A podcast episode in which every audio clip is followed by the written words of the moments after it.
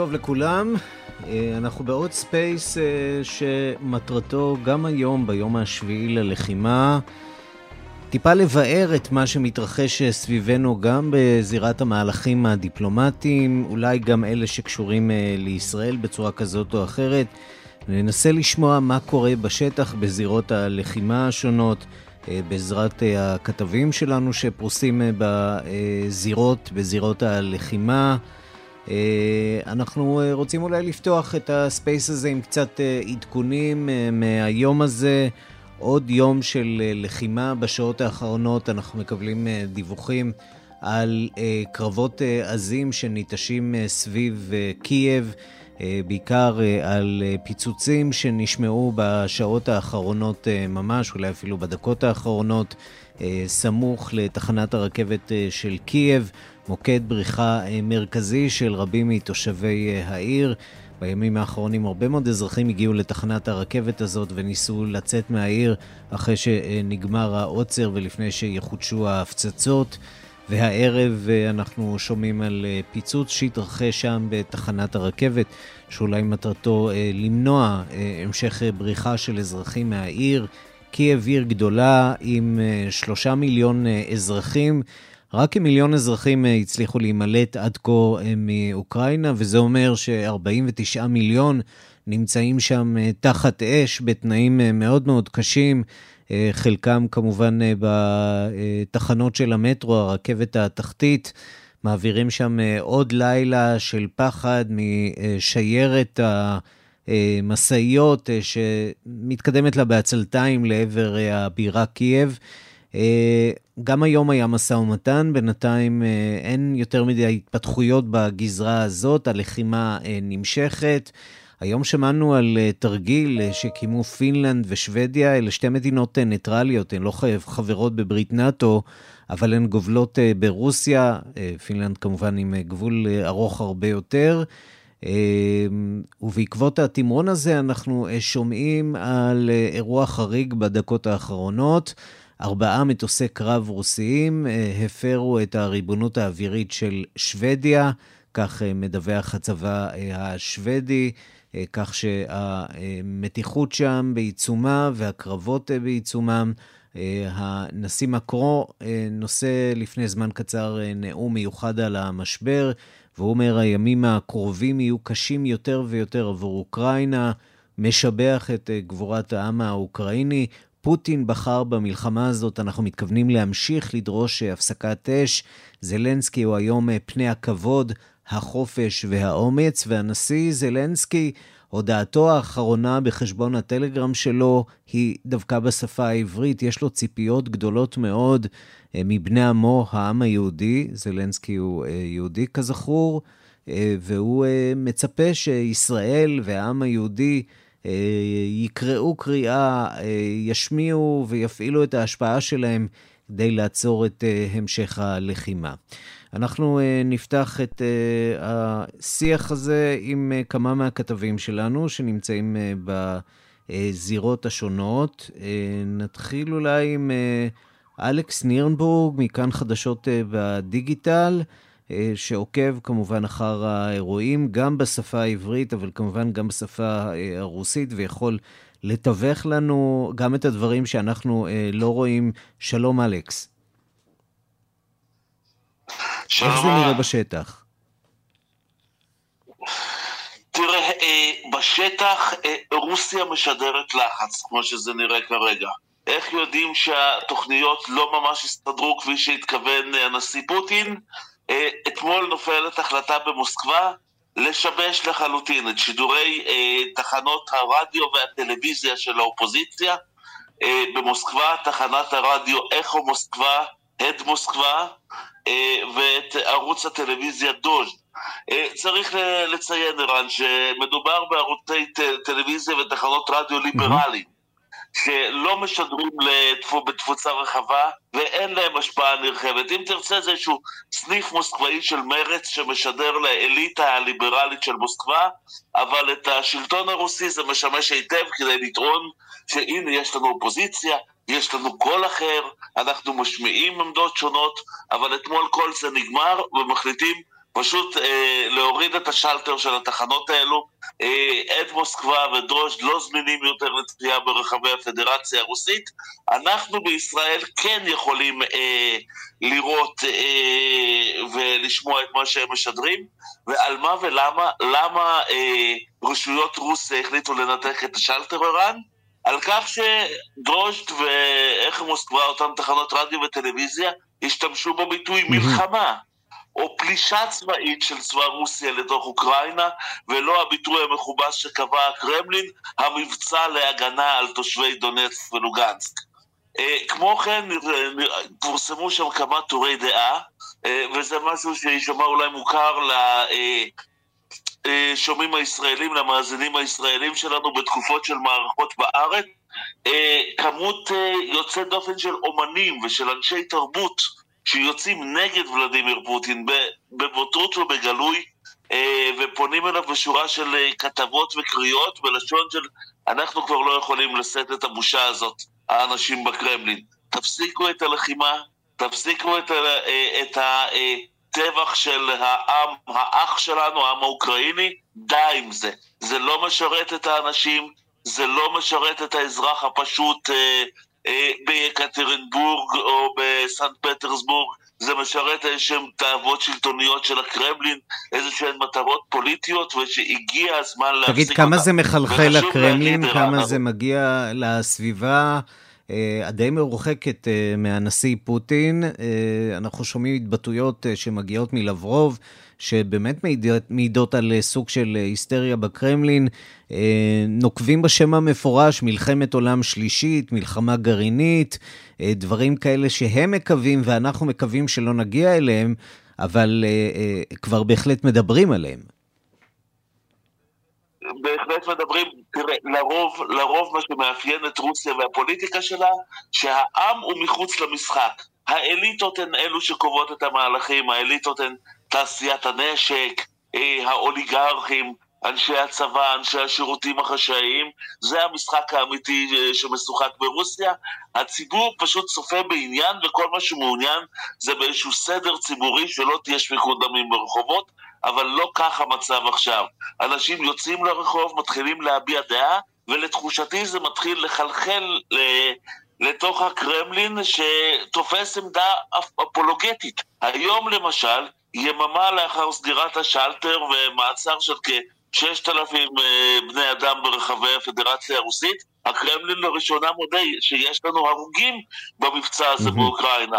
498 חיילים הרוגים. שזה בערך עשרה אחוז ממה אה, שהאוקראינים מדברים עליו. המספר הזה. בדיוק, שלמעלה מ-6,000 הרוגים יוצאים על פי חיילי צבא רוסיה, על פי הגרסה האוקראינית, אבל זה מתחיל לחלחל ערן. מתחילים להרגיש את הלחץ בקרמלין. מצד אחד האכזבה מההתקדמות של המבצע הצבאי, ומצד שני הלחץ מהרחוב של בשביל מה אני שולחת את הבן שלי. אותה אימא ששולחת, ששואלת את עצמה בקול רם כבר, למה הבן שלי צריך למות על אדמת אוקראינה? הרי אין שום הבדל בין העיר שבו אני גרה לבין חרקוב, לבין דונצק, זה אותם אנשים, זה אותן תפיסות, זה אותן אמונות, למה הבן הזה צריך למות על גחמות פוליטיות כאלה ואחרות של היושב אגב, צריך, צריך להודות, אנחנו לא רואים אה, ארונות שמתחילים להגיע לרוסיה, אם בגלל שמסתירים אותם, או שעל פי המסורת הרוסית אה, קוברים בשטח, לא? אתה, אתה, גם לא, אתה גם לא תראה את אותם הארונות. אה, אני יודע שאנשי צבא אוקראינה דואגים לידע את אותן אימהות רוסיות על כך שהבן שלהם מת. אם, אם, אם תשאל את הגרסה האוקראינית, אה, דיברתי ביממה האחרונה עם איש אה, צבא אוקראיני שמבחינתו מספר את הסיפור הבא. הצבא הרוסי נכנס לתוך הערים האוקראיניות, בחלקן הוא ציפה שהוא יתקבל בפרח, בזרי פרחים ובקבלות פנים חגיגיות, אבל הם נתקלו בהתנגדות עזה של תושבים שאפילו ללא נוכחות צבאית, תושבים שבאו לעצור את הטנקים במקום לקבל אותם בזרועות פתוחות, כתוצאה מכך נוצרו בעיות לוגיסטיות מאוד מאוד קשות לצבא הרוסי, אה, אספקת הדלק לא הייתה תקינה, אספקת המזון לא הייתה תקינה, ולכן חיילים רבים נאלצו לנטוש את השיירות, לנטוש את הכלים הכבדים שעליהם ולברוח לתוך היערות. כתוצאה מכך ראינו גם את התמונות שפרסם הצבא האוקראיני של כלים וטנקים רבים נטושים. אלכס, בוא נעצור רגע, כיוון שאני אה, לא יודע כמה כן. הקשר שלנו עם אה, אוקראינה יהיה יציב במהלך הספייס הזה. אנחנו רוצים לנסות אה, לדבר עם חן ביער, הכתב שלנו, אה, השליח של כאן חדשות לאודסה. חן, אתה איתנו? כן, שלום. אה, אנחנו שומעים בשעות האחרונות על אה, הפגזות, גם אה, סביב אודסה. הצבא הרוסי השתלט על לא מעט שטחים שסובבים אותה.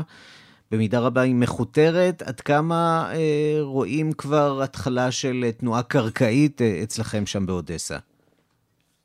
כן, קודם כל, מה שקורה בשעה האחרונה, אפילו פחות, בחצי שעה האחרונה, זה שיש אה, הפגזה אה, נרחבת מאוד של הצבא הרוסי, לא רק באזור אחד, בכמה אזורים באוקראינה, גם כאן אה, באזור שלנו, אני באודסה שומע את האזעקות שהן לא ממש, הייתה אזעקה גם במרכז העיר, עכשיו יש אזעקות כבר דקות ארוכות ברצף מאזורים מרוחקים יותר, שמענו גם מדי פיצוצים, אה, אפילו כמה חזקים. אה, אז ההפתעות הן גם כאן, אבל לא רק כאן, גם אנחנו שומעים דיווחים מקייב הבירה, אה, מאזור חרקיב, גם מהמערב ומהדרומית לביב. אה, באמת הפצצה שהיא נרחבת מאוד, זה מהחצי שעה האחרונה. ולשאלתך, ערן, כאן באודסה באמת המתח הוא גדול מאוד, כי עושים את החשבון הפשוט, מבינים שהצבא הרוסי כבר נמצא בחרסון, יודעים שיש אה, לחימה לא פשוטה במיקולייב, וזה פחות או יותר מרחק של 120 קילומטר, ברור שהיעד הבא יהיה אודסה, יש גם אפשרות של תקיפה אה, מהים, מהים השחור, אולי גם אפילו כניסה קרקעית מהים השחור, יכול להיות שילוב של שתי האפשרויות האלה, גם תנועה אה, ממזרח וגם התקפה מהים, ולכן מבינים שהם הבאים בתור. ומה שקורה ברחובות כאן היום זה באמת אה, מראות ש, שקשה להאמין. גם הצבא האוקראיני שהשתלט כאן על כל מרכז העיר, פרס מחסומים, אה, אה, ביצורים עם שקי חול, עם כל מיני מתכות שונות, גדרות תיל. זה קורה בכל הרחובות הראשיים, ליד בניין האופרה, ליד עסקים, חנויות גדולות, קניונים. הכל הכל נחסם ומבוצר. חיילים נמצאים כאן ממש בכל פינה. באזורים המרוחקים יותר פתחו מרכזי גיוס שבהם אה, אליהם מגיעים אה, אזרחים מן השורה, אה, נכנסים בלבוש אזרחי לגמרי, יוצאים בלבוש צבאי, עם נשק, עם ציוד, ונשלחים בחלק מהפעמים ממש מיד אל הבסיסים ולאזורי הקרבות. ובין החיילים, צריך להגיד, מתחילים לראות אפילו חיילים ישראלים בתוך הסיפור הזה, לא כאלה שנשלחו באופן רשמי מישראל, אלא ישראלים אה, ממוצא אוקראיני שהלכו להילחם שם אה, בקרבות. אתה אה, פגשת אחד מהם, נכון? כן, פגשנו שניים כאלו, אחד שהוא ישראלי לשעבר שחזר לפני כמה שנים לגור באוקראינה, התגורר בארץ בהרצליה וברעננה, שירת בצה"ל, בפלספר גולני, היה חייל בודד, יש לו הרבה חברים בישראל עדיין, שהוא שומר איתם על קשר, והוא היום ממש התנדב ואמור בשעה הזאת פחות או יותר להישלח לאזור אה, מיקולאייב לפי מה שהוא אה, מספר, הוא לא רצה לשתף אותנו יותר מדי בתוכניות, אבל זה ככה מה שהוא סיפר לנו בגדול. וחייל אה, נוסף שהוא בכלל סיפור מעניין, הוא כבר מגויס אה, כבר כמה ימים, אותו ראינו אה, כבר ממש לובש מדים עם נשק, עם ציוד עליו. והוא הגיע לכאן במיוחד בשביל המשימה הזו, הוא מתגורר בראשון לציון, אה, גם הוא שרת בגולני, והגיע לכאן ממש בשביל להתגייס, נולד באודסה, אה, והגיע לעיר הזו עם פרוץ הקרבות, כי הוא הרגיש שהוא לא יכול להישאר בארץ, והוא חייב אה, להיות כאן. ואתה רואה את אותם מתנדבים מסתובבים עם איזשהו סימון, סימן צהוב על זרוע כף היד, בדגלי, בצבעי הדגל האוקראיני, מוכנים כאן בכל פינה, החיילים האוקראינים מאוד מאוד רגישים אה, לכל הנושא של אה, אה, צילום בכלל של אזרחים שמסתובבים ומסתכלים עליהם, אה, מאוד מאוד רגישים אה, לעניין הזה, מאוד מאוד נוחים, מאוד מאוד חשדניים כלפי אה, כל אחד שמסתובב. רואים אזרחים מסתובבים ברחובות, אבל לא הרבה, כל העסקים סגורים, פתוחים, אה, רק אה, סופרמרקטים, בתי מרקחת, רק מה שמאוד מאוד חיוני.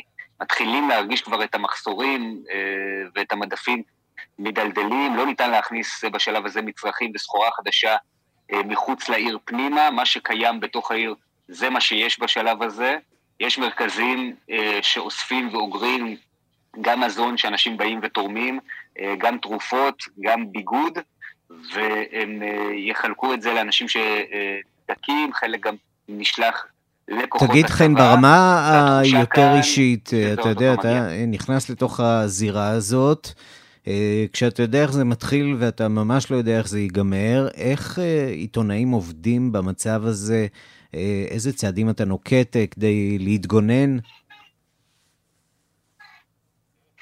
תראה, צריך להודות שכמו האזרחים כאן, גם לנו אין כל כך הרבה יכולות להתגונן. כלומר, אני נמצא עכשיו במלון באודסה, שהוא המלון היחידי פחות או יותר שפועל. אגב, אני אספר לך שהגענו לעיר, אז הזמנו איזשהו מלון מראש שהיה נראה שהוא עדיין עובד ושהכול בסדר, ואפילו אישרו את ההזמנה שלנו.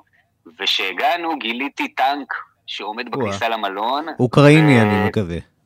כן, אוקראי, אוקראיני, ולא כל כך הבינו מה, זאת אומרת, מי אנחנו ומה אנחנו רוצים ו- ולמה אנחנו באים, המלון אה, סגור, אז אנחנו עכשיו במלון היחידי שעובד, אה, אין כאן כל כך הרבה אנשים, זה אנחנו ועוד שני אה, צוותי תקשורת מבולגריה, ועוד משפחה אחת שמתכוונת להגיע לגבול והגיעה אה, מאזור מרכז אוקראינה, והיא בדרכה לגבול והיא עצרה כאן היום ללילה, אין כאן מקלט או משהו כזה, כלומר, כשיש אזעקה אין כל כך לאן ללכת, וזה גם התחושה ברחובות, גם האזרחים, מי שיכול נכנס לחדרים יותר פנימיים, לקומות תחתונות, למרתפים אם יש, יש מקלטים פה ושם, אבל זה מאוד מאוד לא שכיח, ובטח לא מה שאנחנו מכירים מהארץ. כן, אז, אז תשמרו על עצמכם שם, ברב... זה נראה לא טוב, נקווה שהלילה הזה יעבור לכם יחסית בשלום. תודה בשלב הזה, אנחנו, אנחנו עוד כאן, כך שאם יש איזה שהן התפתחויות, אתה מוזמן לקפוץ ולעדכן, ואני רואה שהצטרף אלינו שגריר ישראל לאוקראינה, מיכאל ברודסקי. אתה מוזמן לפתוח את המיקרופון, אתה שומע אותנו? כן, כן. אתם, אני מניח, עכשיו בפולין, נכון? אנחנו עכשיו בפולין, חוק מהגבול, ואת הגבול כל יום כדי לעזור לישראל. יש לכם איזה שהם נתונים על כמה ישראלים עדיין נותרו שם? אם יש ישראלים שנמצאים במצבי מצוקה שונים? חד משמעית, יש ישראלים ערים שמקוטרות כרגע, ישראלים שמנסים לצאת ולא יכולים, וגם יש ישראלים שנמצאים בדרכים וכבר הגיעו למעבר הגבול. מחר הוא נקלוט כאן עשרות ישראלים מהעיר דנפרו, ובמעברי הגבול עדיין יש ישראלים, מגיעים, לא הגל הגדול שהיה בהתחלה, בימים הראשונים, אבל עדיין התנועה הזאת מתמשכת. אנחנו שומעים אולי בזירה הדיפלומטית את הקריאות של הנשיא האוקראיני, יהודי טוב, שמצפה לראות תמיכה מה, גם מהקהילה היהודית ברחבי העולם. וגם בישראל. עד כמה אתם מרגישים את הלחץ הזה מהשלטונות שישראל תעשה משהו, תעשה יותר, תפעיל את העמדה העקרונית, המוסרית שלה, שיש לה השפעה במצבים כאלה? אני לא אסתיר שיש פניות בנושא הזה, אבל מאידך השלטון וראשי המדינה עסוקים עכשיו בלחימה, וממש העמדה הישראלית היא לא בראש סדר העדיפויות שלהם. למרות שצריך להודות שהשגריר, אני... שהנשיא זלנסקי, ההודעה האחרונה שלו שנמצאת בחשבון הטלגרם שלו היא בשפה העברית, פנייה ישירה ליהודים ולאזרחי ישראל, אנחנו רוצים אתכם איתנו. נכון, נכון, ואני מאמין שהוא פרסם את הפנייה הזאת בעקבות הפגיעה בבאבי יאר. זה היה טריגר. נכון, חשובה להם התמיכה הישראלית, אבל אני רוצה להזכיר שקודם כל פרסם, שר החוץ פרסם הודעת גינוי למתקפה הרוסית, הוא הדגיש את המחויבות שלנו לריבונות של אוקראינה, וגם אנחנו הצבענו בעד ההחלטה שמגנה את המתקפה באו"ם, ולא רק הצבענו, אלא הצטרפנו אליה באופן פעיל. להחלטה הזאת, שזה בניגוד לעמדה שלנו שהייתה כל השנים האלה, שהיינו מצביעים בעד, אבל אף פעם לא היינו co-sponsors, mm-hmm. מה שנקרא, לא היינו מצטרפים באופן פעיל להחלטה. אז כן יש שינוי בעמדה שלנו, ואני חושב שכל מי שמסתכל על סך כל ההודעות מבין באיזה צד ישראל נמצא. ועכשיו ישראל אומנם לא מסייעת בנשק, אבל בהחלט מתכוונת להשקיע הרבה מאוד. בתחום הסיוע ההומניטרי. ספר לנו קצת על זה, איפה זה עומד, איך ההתארגנויות האלה אה, מתנהלות כרגע. זה בדיוק המסר שאני כל הזמן מעביר לאוקראינים, שהם צריכים לנצל את היתרונות היחסיים שלנו. במקום להמשיך ולבקש נשק, שהם כנראה לא יקבלו מאיתנו, הם צריכים לנצל את היכולות שלנו בתחום הרפואי, אני מקווה שהם מבינים את זה. לכן אנחנו מעבירים להם אה, סיוע, 100 טון של סיוע, אה, לא רק אה, תרופות, אלא גם אוהלים, שמיכות וכל מיני דברים שהם צריכים, ואנחנו חושבים על פעימות נוספות של סיוע, בעיקר בתחום הרפואה. יכול להיות שזה יהיה לא רק תרופות, אולי רופאים, אולי אה, אה, בית חולים שדה, אנחנו כרגע דנים בכל האפשרויות האלה, אבל אני מאמין שזה הולך בכיוון הזה, ואני חושב שמבחינת האוקראינים נכון לנצל את הפוטנציאל שלנו דווקא בתחום הזה. הם מקבלים מספיק נשק מכל השותפות, מדינות השותפות שלהם באירופה, מארצות הברית, מקנדה, סך הכל יש להם מספיק נשק, ישראל היא, היא לחלוטין לא ה-game changer פה. מה שאנחנו כן יכולים לעשות זה סיוע מסיבי בתחום הרפואי, ובזה אנחנו מתמקדים, ואני מאמין שהאוקראינים יבינו את המסר הזה כי זה מה שהם צריכים בשלב הזה של ה... אתה מזהה אה, תרחיש שבו באמת גם אה, מביעים מחויבות לעניין הזה, מחויבות אה, רצינית מהצד הישראלי, באמת משקיעים בבית חולים שדה ופורסים כוחות. ועושים את כל הדברים שאנחנו רגילים שישראל עושה באזורי אסון. ישראל באמת מתגייסת לסיפור הזה כרגע? בישראל יש נכונות מאוד גדולה לעזור לאוקראינה.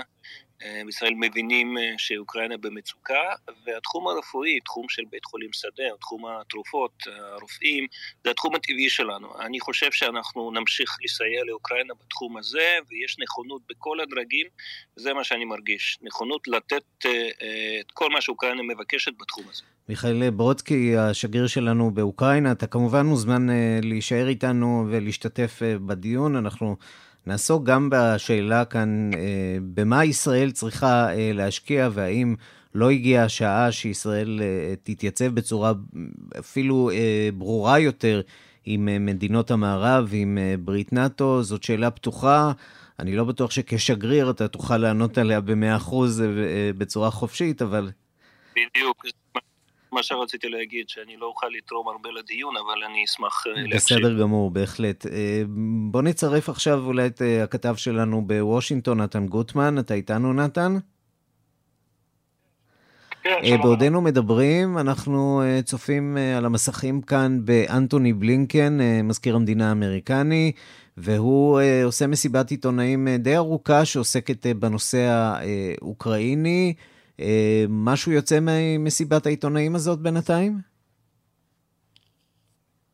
אני מצטער, נותקת שם באמצע, לא שמעתי את השאלה. בעודנו מדברים, אה, אנטוני בלינקן, שר החוץ האמריקני, מקיים מסיבת עיתונאים. אה, מה, מה קורה שם? מה, מה הוא אומר?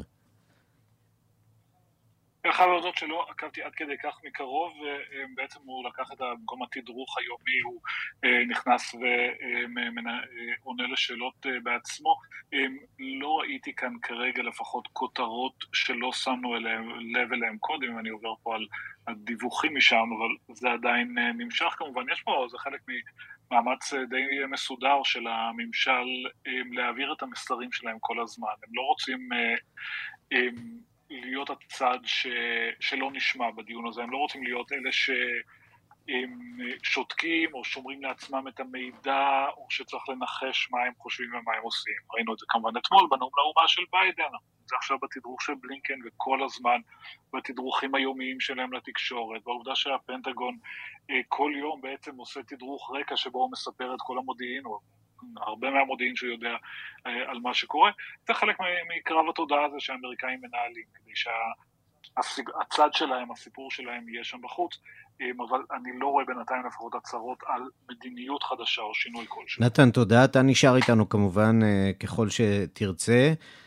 אני רוצה לצרף את נטליה קנבסקי, הכתבת שלנו. שלום, נטליה.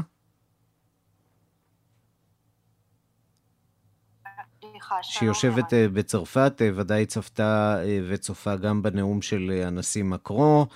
עוד סיסמאות נחרצות של הנשיא הצרפתי, אבל ממך אני רוצה לשמוע קצת על הסיפור שהבאת לנו היום בשעה הבינלאומית.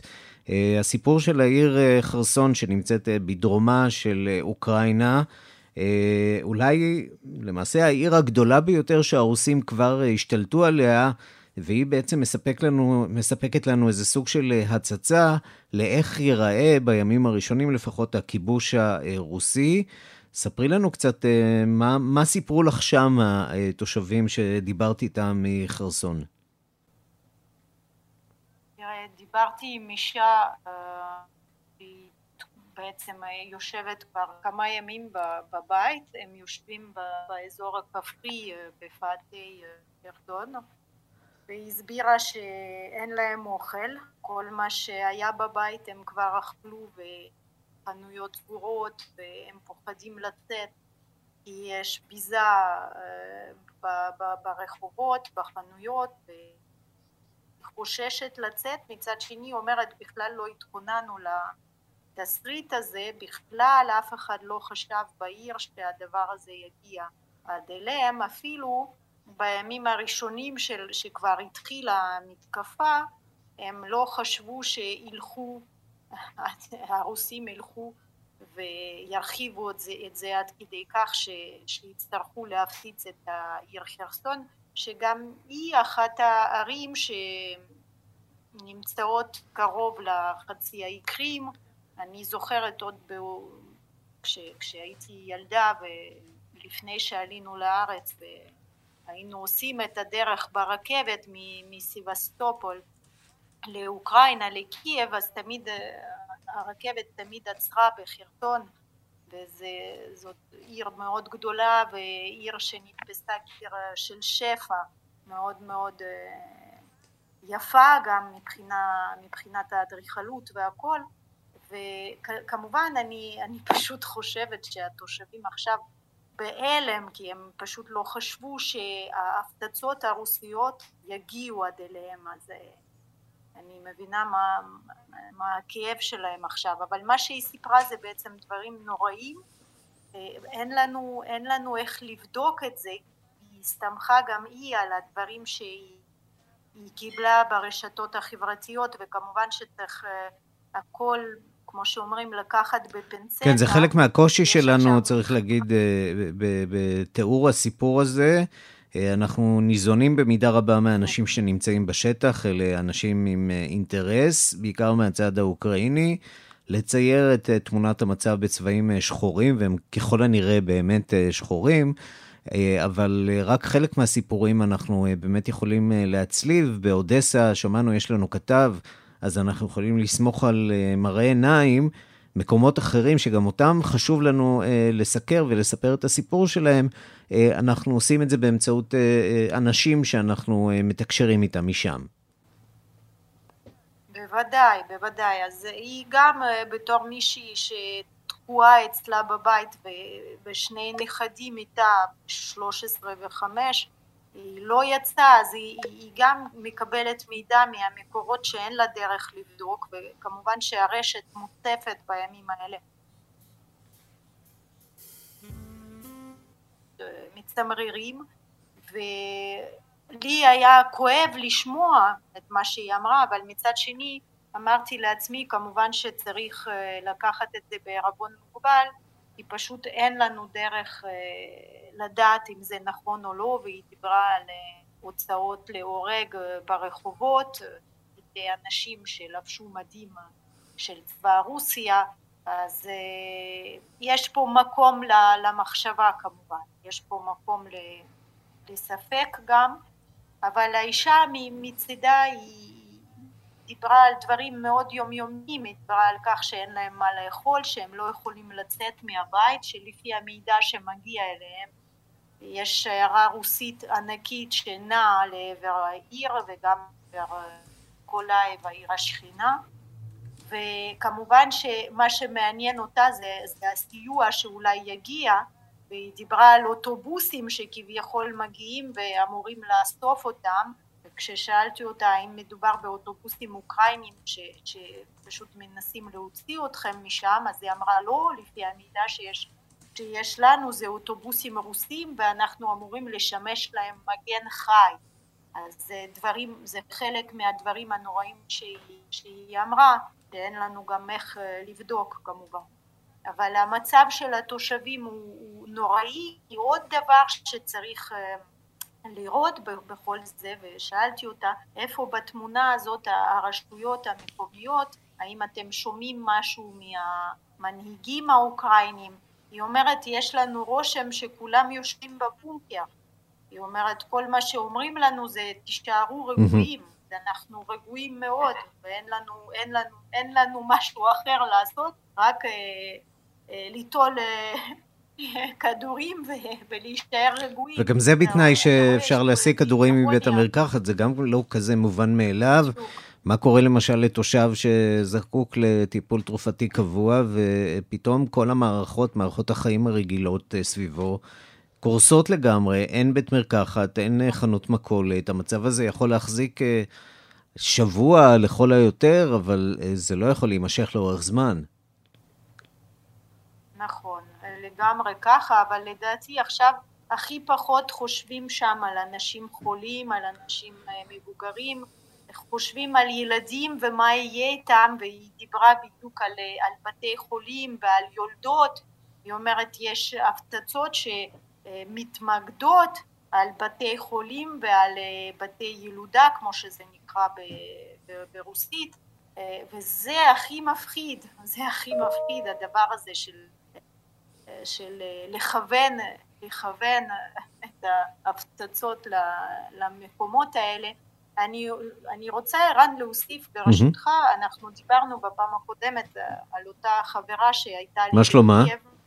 והיא הצליחה, אז זהו, רציתי להוסיף שהיא הצליחה בימים האלה לצאת מקייב עם אה, הבת שלה ועם אביה והם אה, יצאו דרך פולין, הם מצאו דרך, בעצם היא אמרה לי, נאלצתי לתת את המכונית שלי למישהו כדי שהוא אה, יארגן לי העברה אל, אל פולין, והנסיעה שלהם לקחה בערך שלושים שעות אה, ברכב של מישהו, והם הגיעו לפולין, והיא כבר כתבה לי מפולין שהכל בסדר, ושם באמת מטפלים בפנים אה, הכל חינם, נותנים להם את כל מה שצריך, הם נמצאים בבית מלון וגם משלמים להם כרטיס טיסה חינם, הם טסים לגרמניה כי יש לה פשוט חברים בגרמניה והיא תקבל כרטיס גם למשפחה. אז צריך באמת לומר שפולין מטפלת בצורה הכי טובה שאפשר בפליטים האוקראינים אני מניחה שזה אולי גם אה, המצב בצ'כיה. אז בואי נטליה, אה, נעצור בנקודה הזאת ונצרף אלינו את גלעד שדה, שבאמת נמצא אה, ממש על הגבול האוקראיני-פולני, ואולי יכול לתת לנו תמונת מצב באמת על הקליטה. שהיא אומנם מתנהלת יפה, אבל לא עוברת חלק. גלעד, שלום. איפה אתה? אז אני כרגע בתחנת הרכבת בתמשר, בפולין. בעצם זה המרכז שאליו מגיעים רוב הפליטים שבורחים מאוקראינה. יש פה תחנת רכבת שפשוט כל שעתיים בערך מגיעה כאן רכבת עמוסה בכ-2,000 פליטים.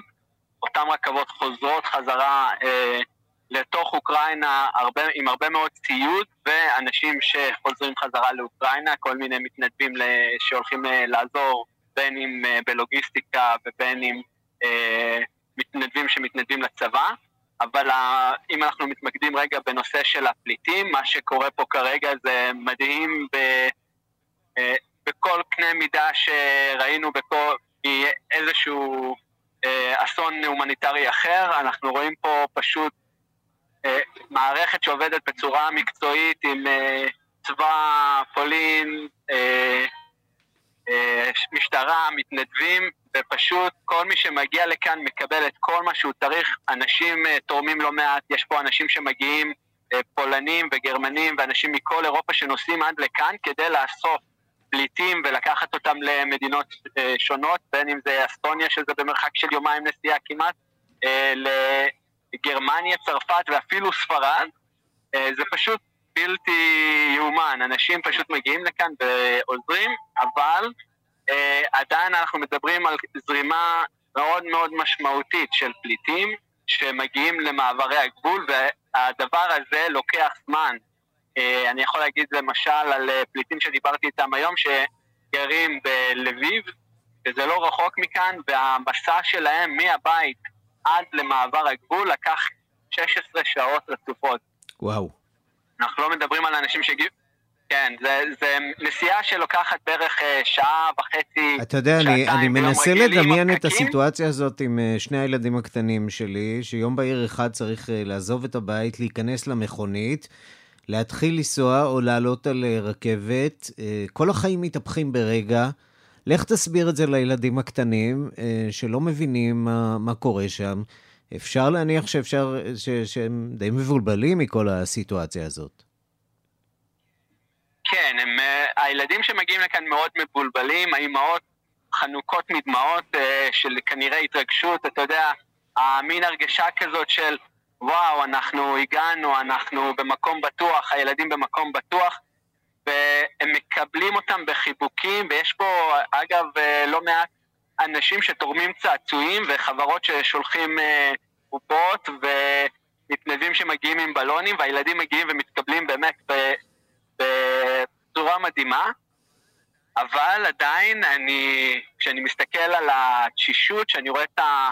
Uh, you know, אתמול היה קטע שפשוט uh, שבר לי את הלב, באמת שבר לי את הלב. אני בתוך כל הכאוס הזה רואה אימא שפשוט מחפשת לאן ללכת, והיא מתכתבת בטלפון, היא מנסה להתקשר, uh, היא לא כל כך רצתה לקבל עזרה בהתחלה, והילדה שלה בקושי עומדת, נופלת ככה, ואתה יודע, בשלבים הראשונים של ללכת, ל... פשוט כואב הלב לראות אותם בקור הזה, אה, בחוץ. אה, אין, אין, אין דרך אה, לתאר את זה, והדבר הדבר הזה פשוט בלתי נתפס. בלתי נתפס, אני הייתי בלא מעט אזורי אסון בחיים שלי, ואי אפשר להתרגל למראה של ילדים ואימהות שסובלים. זה פשוט משהו שלא משנה כמה פעמים מגיעים, אי אפשר, לי, אי, אי אפשר. פשוט קשה, כן. קשה מאוד. קשה, קשה מאוד, ואתה יודע, אנחנו אה, דיברנו עם חן ביאר אה, גם על הלוחמים, ומה שמדהים בנקודה שלך, המקום שבו אתה נמצא, זה שאנשים לא רק אה, יוצאים מאוקראינה, אלא שאתה נפגש גם עם אנשים שנכנסים לתוך אוקראינה. מי הם האנשים האלה?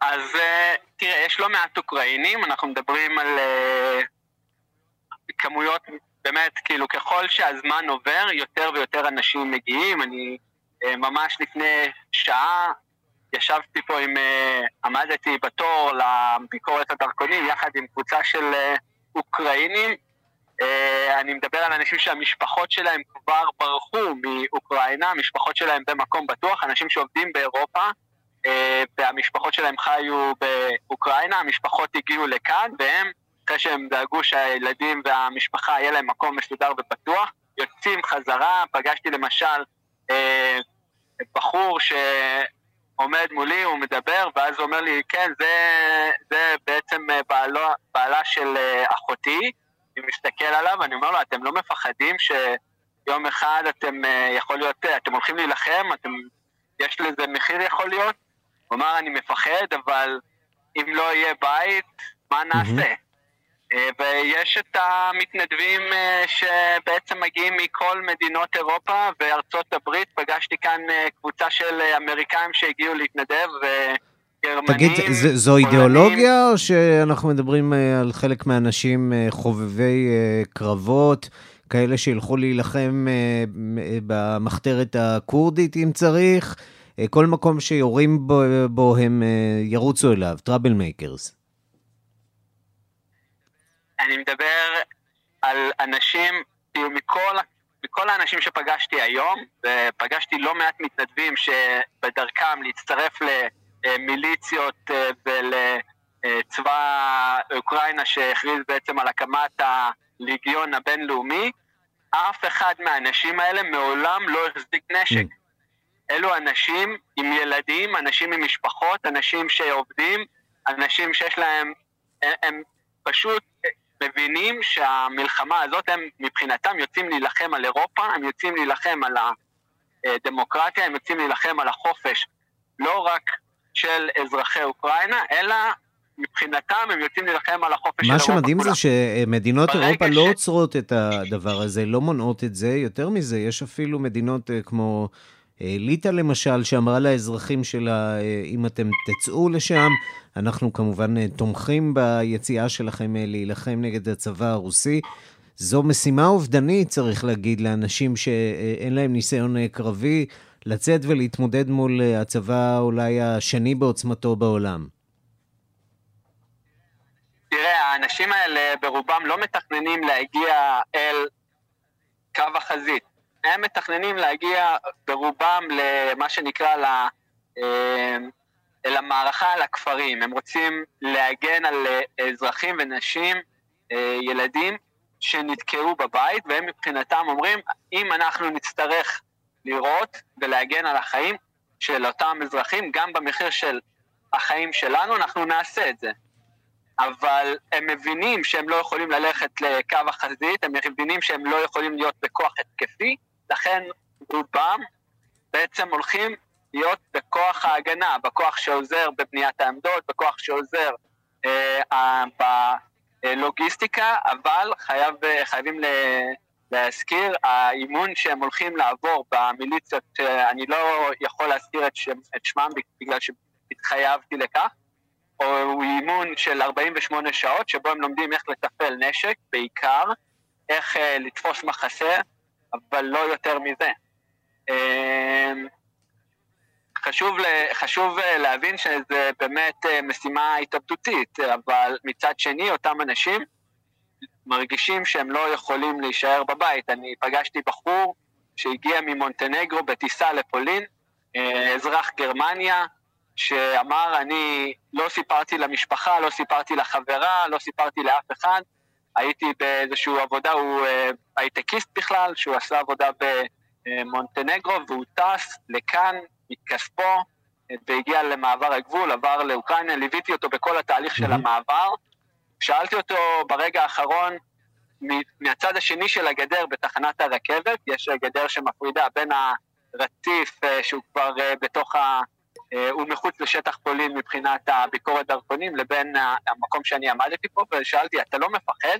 הוא אמר לי, אני יותר מפחד שהמלחמה תגיע אלינו. כן, זה החשש, זה הפחד, אה, בתוך מצעד האיוולת הזאת, לנסות אה, להבין למה כל זה קורה. מלחמה שכאילו צצה לה משום מקום. גלעד שדה, בגבול שבין אה, אוקראינה לפולין. אה, תודה רבה. אה, נצרף את תודה. זאב שניידר, עורך השעה הבינלאומית. זאב, אתה איתנו? אני יודע שאתה צריך לעצור בצד אולי. כן, ערן. אתה במקום כן, כן בטוח כן, לדבר? כן. בוא נדבר קצת כן. על, על הזירה התקשורתית, כי המלחמה הזאת מתנהלת בראש ובראשונה בשטח, כמובן. אה, הפגזים נופלים, הפצצות אה, משוגרות, אה, המשאיות נוסעות בכבישים ולא בכבישים, הטנקים חוצים שדות, אבל היא מתנהלת גם ברשתות החברתיות, גם כאן ממש. עד כמה מסובך לנסות להבין מה, מה אמת, מה שקר בתוך כל בליל המידע הזה, ולנסות לארגן אותו בתוכניות שלנו לשידור? קודם כל אני חייב לומר שזה באמת מאוד מאוד מסובך, כי, כי המידע שמגיע, אנחנו רואים אותו מהטוויטר, מהרשתות החברתיות, וכמובן ש... אה, שהמידע הזה הוא, הוא מאוד תלוי מאיזה צד הוא מגיע. אנחנו אגב רואים את זה, אה, לדוגמה, הפער בין אה, כל המידע שרוסיה מוציאה לעומת המידע ש... שאוקראינה מוציאה, והמידע הוא מאוד מאוד מאוד שונה, ובאמת זה ככה מאוד מורכב, ולכן uh, צריך... אגב, גם אנחנו יודעים שהרבה פעמים uh, מוציאים סרטונים שהם לא מהיום, הם יכולים להיות מ-2014, או בכלל מנקודות אחרות, ואז באמת ככה צריך לנסות להבין איך אנחנו מקבלים את המידע, ואני חושב שחלק מזה זה באמת לראות את הסרטונים שמגיעים על ידי עיתונאים, וסיפורים שמגיעים מהעיתונאים שלנו ובכלל בעולם, שהם מספרים את הסיפור ויודעים. עכשיו, אני יכול לומר לכם עוד דבר, זאת אומרת, uh, uh, נטליה דיברה כאן על uh, אותה אישה שהיא דיברה, וגם על החברים שלה, וגלעד סיפר על האנשים שהוא פגש, אז יש לי חבר שגר באוקראינה, כיומיים לפני, ה, uh, לפני תחילת המלחמה, הוא בעצם עזב את קייב ועבר לצ'רקסי, שזה פלוס מינוס 150 קילומטרים מקייב. ודיברתי איתו אתמול. אה, אז הוא אמר לי שבימים הראשונים באמת היה אצלם שקט והם ככה הרגישו קצת יותר בטוחים, אבל הם אה, ככה לפני יומיים הם התעוררו להפגזות ומצאו את עצמם במקלט. במהלך הלילה, אגב, הם אמרו שגם, הוא אמר לי, המקלטים אצלם לא ממש אה, מסודרים ומאובקים, ויש הרבה מבוגרים בבניין שלהם, אז הם נמצאים בחדר המדרגות. ו... ואחד הדברים שאמרתי לו, תשמע, אני מתקשר אליך ואני שואל אותך מה קורה, אבל אם זה לחוץ לך או מלחיץ אותך, אז תגיד לי. אז הוא אמר לי, לא. הוא אומר, זאב, תשמע, אנחנו מקבלים מידע מאוד לא אמין מכל הכיוונים. קודם כל, חלק מהרשתות האוקראיניות נשלטות כיום על... זאת אומרת, הרוסים הצליחו להשתלט ולהעביר מידע משם, ואז הם מקבלים מידע שכביכול אוקראינה מפסידה. ו- ושכבר הם נמצאים בקייב, הוא אומר לי, אנחנו היינו בטוחים שזה, לא יודע, שהם כבר כבשו את קייב, וסתם אתמול סיפרתי לו מה היה באיחוד האירופי, על זה שהאיחוד האירופי הצביע, הפרלמנט הצביע... בעד צירופה בעד של... בעד קבלת כן. הבקשה של כן. אוקראינה. נכון, והוא אפילו לא ידע את זה, הוא אומר לי, אה, באמת זה קרה? זאת אומרת, הם שם בתוך אה, אוקראינה מנותקים, ואנחנו רואים את זה ככה בכל מקום, ואתה יודע מה, ערן, אני לא בטוח שאנחנו ככה יודעים יותר, זאת אומרת, אני מניח שאנחנו יודעים יותר, אבל גם אנחנו מקבלים מידע מאוד מאוד אה, בעייתי. אה, ובאמת זה, זה אחד האתגרים שלנו, גם בתוכניות, אני טוב, חושב. אה, אה, מטבע הדברים הדבר החשוב ביותר הוא הכתבים אה, בשטח. צריך להגיד שעד אה, לפני אה, יממה היו לנו כתבים בקייב עצמה. כרגע יש לנו אה, כתבים שנמצאים בלבוב, אה, כתבים שנמצאים אה, באודסה, אה, ובין לבין מנסים אה, כמובן להיות בקשר עם האנשים שנמצאים שם, כדי לקבל אה, תמונה אה, אמינה ומדויקת מעבר למה שאנחנו מקבלים כמובן ברשתות החברתיות אה, ובכלי התקשורת הזרים האחרים. זאב, תודה בשלב הזה. אני רוצה לצרף את אה, יאיר נבות, פרשן לענייני רוסיה. שלום יאיר. בוא נדבר. רגע על הזירה הדיפלומטית והמצב שישראל נמצאת בו מול רוסיה אה, ומול אוקראינה. אומר הנשיא זלנסקי היום, אה, אני רוצה לראות אתכם, היהודים מתגייסים למעננו, עומדים לצידנו, אה, ציפיות גבוהות אה, כאן בישראל, שמענו גם מהשגריר אה, באוקראינה. אה, אנחנו נתמקד ונשקיע בסיוע הומניטרי. עד כמה ישראל נמצאת פה במצב אה, רגיש מצד אחד מול האמריקאים, ומצד אה, שני, אולי מאותו צד, מול אה, הערכים והמוסר שלה. כן, אנחנו חזרנו על זה לא מעט פעמים, שישראל פה בעצם אה, מנסה להלך בין הטיפות. אנחנו אה, מצד אחד, אה, כמו שאמרת נכון, לא רוצים...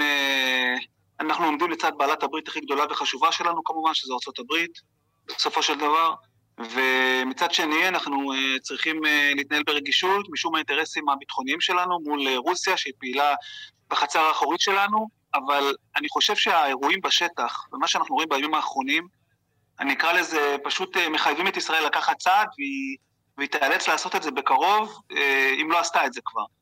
אה, אנחנו יודעים שישראל הצטרפה היום בהצבעה במועצת הביטחון נגד רוסיה, וזה אולי סימן ברור לזה שדברים מתחילים להשתנות.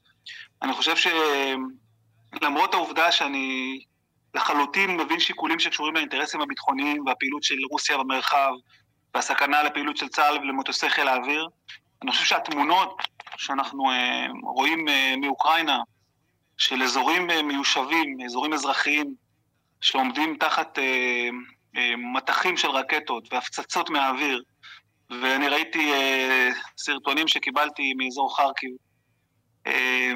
שאני הייתי מעדיף לא לראות. התמונות שראיתי שם, אלה, זה תמונות איומות, ואני חושב שישראל אה, תצטרך לנקוט עמדה יותר ברורה מבחינה מוסרית, כמו שעושות אגב אה, רבות מאוד במדינות, במדינות, יותר ויותר מדינות בעולם. זאת אומרת, יש פה גם פן מוסרי שהוא, אה, שאי אפשר, אפשר להתעלם ממנו, וככל שהלחימה מתקדמת, וככל שאנחנו רואים שהרוסים מגבירים את עוצמת האש שלהם, וזה בדיוק מה שקורה, ממש ביומיים שלושה האחרונים באופן מאוד מאוד בולט, אנחנו עלולים להתקל ביותר ויותר אה, תקריות ואירועים שיחייבו אותנו אה, אה, להתייצב ולומר דברים באופן ברור. יאיר, אתה חיית ברוסיה לא מעט שנים, אומנם ישראלי, צבר, נולדת בארץ, אבל אוהב את העם הרוסי אהבת נפש, ושומע גם מה הם מדברים אולי בשקט מאחורי הקלעים.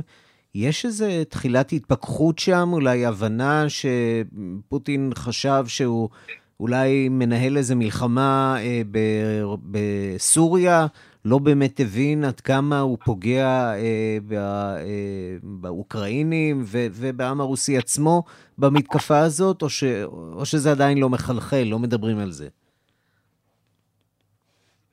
לא, זה בהחלט מחלחל. אני יכול לומר שאני שומע יותר ויותר קולות מאנשים שאני מכיר אה, ברוסיה, שמוצאים את עצמם במצב מאוד בעייתי, הם מתנגדים למלחמה הזאת, הם חושבים שזו מלחמה לא מוצדקת, אבל במקביל הם גם מתמודדים עם אה, קושי גדל והולך ברמה אישית, משום שהמצב הכלכלי מחמיר מיום ליום, יש תורים בכספומטים, אנשים חוזרים לשלם שוב רק במזומן, כאילו חזרנו לתקופת mm-hmm. ברית המועצות. ו, ו, וה, והקושי הזה הוא גדול. מצד שני, צריך להבין שיש גם אזרחים אה, רוסים אה, פשוטים, האזרח הקטן מה שנקרא, שהם אה, לא מסכימים עם מה שקורה ומתנגדים למלחמה, והם נאלצים, אתה יודע, לחוש את ה, פתאום את הגל הזה של, של כמעט שנאה עולמית כלפי רוסיה. זה בא לידי ביטוי בהרחקות למשל של, של נבחרות רוסיות, קבוצות כדורגל רוסיות ממפעלים, כשאתה מדבר על ספורטאים, אז... אה, ואפילו אומנים במקומות מסוימים שמוקעים, אה, אז זו נקודה מאוד בעייתית בעיניי. איפה עובר הגבול בין, אה, בין המדינה והצורך לבקר ולגנות אותה על מהלכים שהיא עושה כממשלה, לבין הרמה של האזרח הקטן, אותו אזרח שבעצם בעצם נפגע מאותם מהלכים באופן מאוד מאוד קשה. אז זו, זו דילמה מאוד מאוד גדולה. אבל אמ, אנחנו רואים גם את המהלכים של הממסד הרוסי, של המשטר הרוסי, ובימים האחרונים ביתר שאת, ואני חושב שזה ילך ויחמיר בימים הקרובים. אה, רצון מאוד גדול אה, אה, לשלוט באופן מלא על מה שמתרחש, לדכא כל סוג של מחאה ציבורית. ואתמול ראינו תמונות מאוד אבסורדיות ממוסקבה, שעצרו שם עצרו שם אה, שתי אימהות וחמישה ילדים. זה שתי אימהות וחמישה ילדים של שתיהן, והם עמדו והפגינו מול שגרירות אוקראינה, הניחו שם אה, פרחים, הפגנת הזדהות mm-hmm. אגב, הניחו שם אה, זר פרחים והחזיקו כרזה שהיה כתוב עליה לא למלחמה עם דגלי רוסיה ואוקראינה, השוטרים עצרו אותם. זה חמישה ילדים בני שבע עד אחת עשרה ושתי אימהות, כולם נעצרו, נלקחו לתחנת המשטרה והושמו ב... בתוך התחנה, ושוחררו רק לאחר כמה שעות. צריך להבין את התמונה הזאת של ילדים בני 7 עד 11 שנלקחים לתחנת משטרה. בגלל שהם הפגינו נגד כן, המלחמה. כן, חוויה שהם אה, כנראה לא, לא ישכחו אה, אף פעם. אה, יאיר, תודה רבה בשלב הזה. אני רוצה לצרף אלינו את ענבר מור, תושבת קייב בדרך כלל, היום כאן בישראל. שלום ענבר. הנה, נצרף את ענבר, נזמין אותה לדבר. ועד שענבר אה, תעלה, אה, אנחנו נספר לכם שמיד אחרי שנשמע אה, גם אותה, אנחנו נפתח את הדיון הזה לתגובות שלכם קצרות ושאלות. אתם מוזמנים להגיש בקשה לדבר, אנחנו נעביר את זה דרך המוסדות המוסמכים שלנו בכאן חדשות שינהלו את זה, ואנחנו נשמח לשמוע מה, מה יש לכם לספר ו, או להגיד על ההתרחשויות ביממה האחרונה. ענבר? מה נשמע? כן. בסדר גמור. עוד יום uh, של המתנה אני... עם מה שקורה שם uh, בקייב, זה לא נראה טוב. לא, זה לא נראה טוב, ואתה יודע, חוסר הוודאות הוא, הוא, מקשה על הסיטואציה, אבל אנחנו, אתה יודע, אומרים תודה כל יום שאנחנו פה ולא בתופת הזו שם. זהו, עוקבים באדיקות אחרי כל עדכון. מתעדכן עם המשפחה והחברים שנשארו שם, יש לי חבר טוב שנמצא בחרקיב. אמ, זהו, מתפללים שזה יסתיים כמה שיותר מהר ויהיה לנו לאן לחזור. טוב, אנחנו גם uh, תפילה, מקווים שזה איכשהו uh, יסתיים uh, בשלום יחסית. אה, תגידי, את אה, לא חוששת אה, מביזה, למשל, של המוצרים שלך, למשל? השארת שם הרבה מאוד רכוש, נזכיר, יש לך חברה שם. זה בטח מפחיד, לא? כן, זה מאוד מפחיד. האמת היא שספציפית המקום שבו ממוקמת הסחורה שלנו במרכז העיר קייב, הבניין עצמו, הכניסות לתוך הבניין הם, כלומר יש כמה דרגות כניסה וזה יחסית פנימי, אז אתה יודע, הכניסה לשם היא תהיה יחסית קשה חלילה אם אה, היא תהיה איזושהי ביזה, אז אה, אולי זה איזשהו, איזושהי דאגה שכרגע עדיף לא להתעסק בה, אבל כן, זה משהו שמדאיג, יותר מדאיג לדעתי זה הדרך להוציא משם את הדברים. אנחנו בודקים אופציה איכשהו אולי להכניס את זה לפה לארץ, או לעשות איכשהו, להציל את הסחורה הזו, אבל שוב, מי שהבעלים של אותו נכס, ששם אה, נמצאת הסחורה, הוא בעצם גר מחוץ לקייב, ובשביל להוציא את הסחורה משם, הוא מן הסתם צריך להיכנס לשם. אנחנו לא יכולים להכריח אותו להיכנס לתוך קייב, מן הסתם. אנחנו לא יכולים לפרוץ לתוך, כאילו, אנחנו לא נעשה mm-hmm. את הדברים האלה. אין מישהו שאני מכירה שם שיכול לעשות את זה עבורי. תגידי, את מכירה אנשים אמ, אה, מקרב החברים שלך שם שנאלצו להתגייס אה, לצבא? מה הם מספרים לך? אה, יש בעלה של חברה טובה שלי, שהיא, האמת היא שהקשיבה לעצתי והגיעה לארץ עם הבן שלה, אבל בעלה נשאר שם, הוא שוקל לדעתי להתגייס, כי הוא אוקראיני במקור. אה, אני לא יודעת עדיין אם הוא עשה את זה, אבל הוא... כי היא מאוד חוששת לחייו, והיא מבקשת ממנו שלא לעשות את זה. לא לה ולא לבן, אבל uh, הוא... אני, אני, אני מבינה ממנה וממנו שיכול להיות שהוא שוקל לעשות את זה. Uh, אני שומעת גם המון, על המון ישראלים שנסעו במיוחד כדי להצטרף לצבא האוקראיני שם, כלומר שהם אוקראינים במקור והם נסעו. Uh, לא קרבה אישית אליי, פשוט כתבות ופוסטים שקראתי בפייסבוק וסושיאל מדיה. אמ, זה, מה אני אגיד לך, זה, זה, זה גבורה אמיתית, וזה מעורר הערצה לראות כמה העם האוקראיני מאוחד, וכל המקומיים והעובדים שלי שחלקם נשארו שם, מספרים לי ש... אתה יודע, הם כל כך מתחננים שאני מנסה לעזור להם עם, אתה יודע, עם resources וכסף ודברים כאלה, והם הם לא מוכנים לקבל, הם אה, רוצים שיתרמו רק לצבא שלהם, ו, והם כל כך גאים בצבא, וכל כך, אה, הם פשוט פטריוטים ומדהימים, וזה פשוט מדהים לראות את זה מהצד, באמת. תגידי, וכשאת רואה את העמדה של שלהם. ישראל, העמדה המהוססת, איך את מרגישה עם זה? איך כן, הם, הם כן. שואלים אותך על זה? מה, מה קורה עם ישראל? למה אנחנו לא רואים אתכם יותר? כן, הם בעיקר, כן, הם בעיקר שולחים לי כל מיני פוסטים, כמו ששמעתם שהיום היה הנשיא זילנסקי אה, פרסם, אה, פרסם פוסט בעברית אחרי ההפגזה אתמול בבאב יאר, אז הוא קורא ככה לישראל אה, בגלל התקריות אה, אה, של הקהילה היהודית מן הסתם באירופה ומזרח אירופה, להתאחד ולתמוך באוקראינה. גם אני כשהתראיינתי הרבה בחדשות דיברתי על זה ואמרתי שחד משמעית זה פשעים נגד האנושות ואני מבינה שיש לישראל כל מיני אינטרסים אה, אם זה בסוריה, ואם זה, אתה יודע, המצב מורכב, אני מבינה את כל את התמונה השלמה, אבל אני חושבת שראוי להחריג פה את המצב. זה, זה מצב של, שוב, של אני אגיד את המשפט הזה שוב, ואני אחזור עליו כמה שצריך, זה פשעים נגד האנושות, זה פשעי מלחמה, אנשים וילדים מתים שם, ו... ו, ו אתה יודע, שלא לדבר על, ה, על הנזק הכלכלי והחברתי והנפשי שיהיה לכל האנשים האלה. אני כבר, אני, אני לא באזור המלחמה ואני מרגישה שיש לי נזק נפשי נוראי מהדבר הזה, ואני רחוקה קילומטרים משם.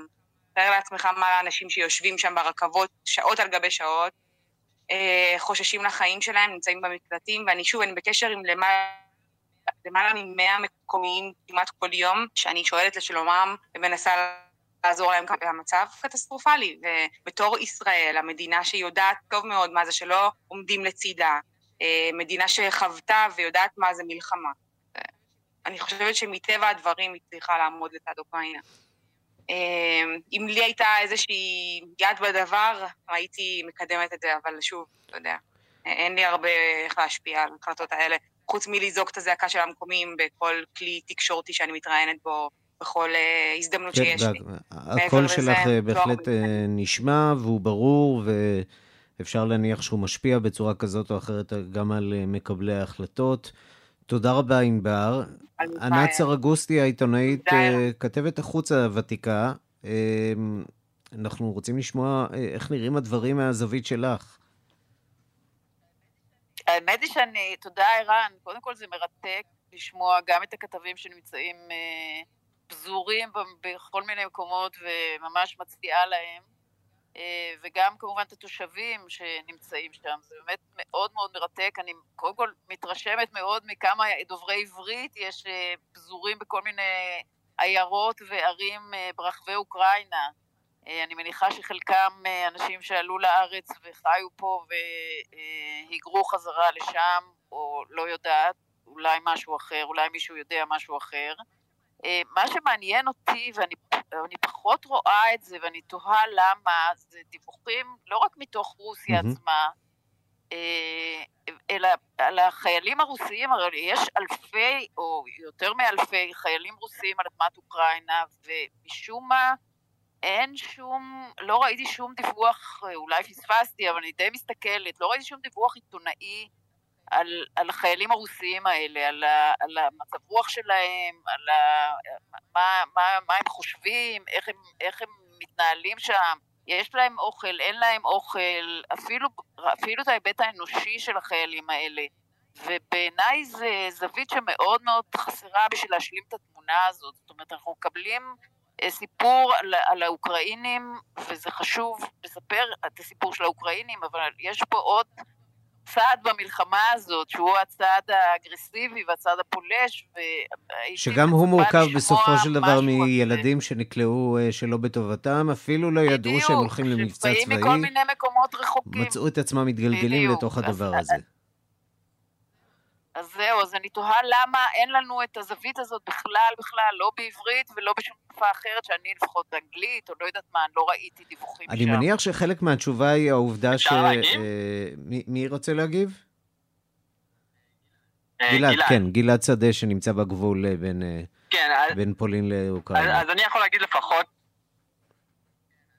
כן, אז אני יכול להגיד לפחות מה... מהצד שלי, אני כבר לפני תחילת המלחמה ניסיתי לקבל אקרדיטיישן, גם אה, להיכנס אל תוך אה, חבלי הבדלנים וגם אה, להצטרף לצבא רוסיה. ויש לי לא מעט קשרים עם אנשים שנמצאים בשטח, כולל עיתונאים רוסים. באופן עקרוני, הם לא נתנו לאף עיתונאי עיתונאי זר להיכנס לשטח בשבועות שלפני, אה, וממש יום לפני, ה... לפני הפלישה אה, ניסיתי להבין מה קורה עם האקרדיטציה שלי, ואחד העיתונאים אמר לי, תשמע, יש הפתעות בדרך, אין לך סיכוי לקבל את האקרדיטציה. הם חששו ש... אה, שהסיפור הזה ש... ידלוף, שמה שכנראה היה common knowledge בדונבאס, בחבל דונבאס, שהולכים על איזה סוג של מבצע מתוכנן, מתוזמר, שזה איכשהו ידלוף אה, לפני הזמן, למרות שצריך להגיד שהאמריקאים כל הזמן סיפרו את הסיפור האמיתי, והעיתונות, אה, כולל הנחתום, כולל אני, לא האמנו שזה באמת יכול לקרות, שצבא ייכנס ויפלוש למדינה שכנה, זה נשמע כמו סיפורים של המאה ה-20, ממאה אחרת, מתקופה אחרת, והנה זה קרה. וכנראה שהם באמת ניסו למנוע את הדליפה עד כמה שאפשר של המידע. אבל, אבל גם, אתה יודע, יותר מזה, יש uh, היום uh, עיקר העיתונות הרוסית, uh, יש את ה, כמובן את העיתונות הממשלתית, אבל יש גם לא מעט עיתונאים עצמאיים, מה שנקרא, או כל מיני עיתונאים שעובדים דרך היוטיוב וטלגרם. יש כתבים שאני מכיר באופן אישי, שהגיעו לשטח כבר לפני, מה שגרם לי לחשוב ש... יש איזה משהו, אבל אה, אלו אנשים שלפחות מהסיפור שראיתי אותם עושים במלחמה בנגורנו קרבאח בתוך השטח, אנשים שבאופן אה, סיסטמטי שיקרו אל המצלמה, אני יכול להגיד שראיתי ממש אירוע למשל שבן אדם עמד 40 קילומטר מעיר אה, וסיפר שהעיר הזאת תחת שליטה ארמנית בזמן שאני הייתי אה, הרבה יותר פנימה לפני זה וראיתי את הנסיגה אה, הארמנית, שפגשתי אותו וראיתי את הסרטון שהוא העלה, את. הדיווח החדשותי שהוא אומר אני נמצא פה בשטח ואני רואה שהצבא הארמני שולט בעניינים, אה, בעצם זה, זאת, ש, זאת התקשורת שכרגע אה, אושרה להיכנס לתוך השטח, אלו האנשים שאני מכיר באופן אישי שנמצאים ביחד עם הצבא הרוסי ואני רואה את הדיווחים שלהם, אבל אני גם יכול להגיד שמההיכרות שלי אני בטוח שהרבה מהדיווחים האלה אין להם אה, שום קשר למציאות. אני יכול להגיד שדבר נוסף, אה, בחור דווקא שאני מכיר והוא באמת אחלה אה, עיתונאי, אבל הוא סיפר לי קצת לפני המלחמה שאם הוא באמת ירצה לעשות את מה שהוא רוצה, הוא צריך לעזוב ולדאוג שהמשפחה שלו תעזוב. בעצם יש חשש של mm-hmm. האנשים האלה, שהם כבר בתוך עולם העיתונות, מה, מהשלטונות.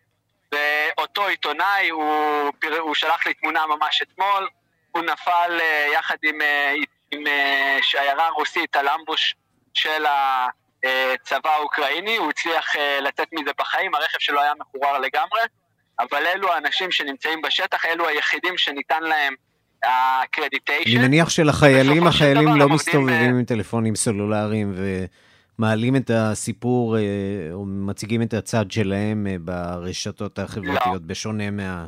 אה, אוקראינים שם, כמובן, אה, כיוון שהלחימה מתבצעת שם, בשטח אזרחי, אנחנו רואים הרבה יותר אה, תמונות שמגיעות מהאזרחים. בואו נצרף אולי את יאיר נבות. יאיר, יש לך אולי תשובה על הסיפור של החיילים? מה אנחנו יודעים על המצב שלהם? לא בגלל שאנחנו כל כך דואגים להם, אלא כיוון שתמונת המצב שלהם תלמד אותנו אולי משהו על כמה הלחימה הזאת עוד עלולה להימשך. כן שמענו בימים האחרונים על הרבה מאוד תעמולה מערבית אה, שמדווחת על אה, מורל נמוך, על אה, תחושה של דכדוך בקרב החיילים, על חיילים ששואלים את עצמם למה אנחנו נמצאים כאן, ויש הרבה מאוד דירוגים אצל הרוסים, אפשר להניח שהמורל שם לא גבוה, נכון? כן, כמובן, אבל חשוב מאוד לסייג את כל הדברים הללו, משום שחלק גדול ממה שאנחנו כן יודעים, מגיע למעשה, למשל, מאותם uh, סרטונים שבהם uh, שבויים רוסים שנפלו uh, בידי האוקראינים uh, מדברים למצלמה ואומרים דברים, הם כמובן uh, שבויים וצריך לקחת את זה בחשבון, הם, uh, הם uh, תחת uh, לחץ ו... וקשה לדעת כמה דברים שהם אומרים uh. תחת לחץ ו- ונדגיש שמדובר כמובן בהפרה של אמנות בינלאומיות, גם מהצד האוקראיני אנחנו רואים הפרות חמורות. אה, שפוגעות בזכויות של החיילים האלה, שיש להם זכויות על פי אמנת ג'נבה, וחשוב להקפיד עליהם גם בצד האוקראיני, אה, גם האוקראינים לא טלית שקולת חלק כן. בעניין הזה. מדובר פה בשני צדדים שמפעילים שניהם אמצעים מאוד מתוחכמים של, של לוחמה פסיכולוגית. אה, גם האוקראינים, למרות שבמקרה של האוקראינים יש בזה סוג של יתרון כי הם מגנים ורוסיה פלשה לשטחם, אז כמובן שבאופן כמעט אינסטינקטיבי אז אה, יש אה, כלפי האוקראינים סוג של אהדה בתור המגנים, אבל צריך לקחת את כל הלימוד בביטחון. כן, האנדרדוג כמובן, בהחלט האנדרדוג אה, כשהם מדברים על יחסי הכוחות, אבל לגבי החיילים הרוסים, העניין, העניין הוא שבאמת קשה מאוד לדעת, משום שהרשויות והצבא עצמו, רמת השליטה בכל מה שקורה עם החיילים היא כל כך, כל כך גבוהה ואבסולוטית, שאין לנו דרך לדעת את זה ממקור ישיר מהחיילים עצמם. אבל אנחנו כן יכולים לומר, כמו שאמרו קודם, שבאמת יש מספר הרוגים שהוא, שהוא גבוה.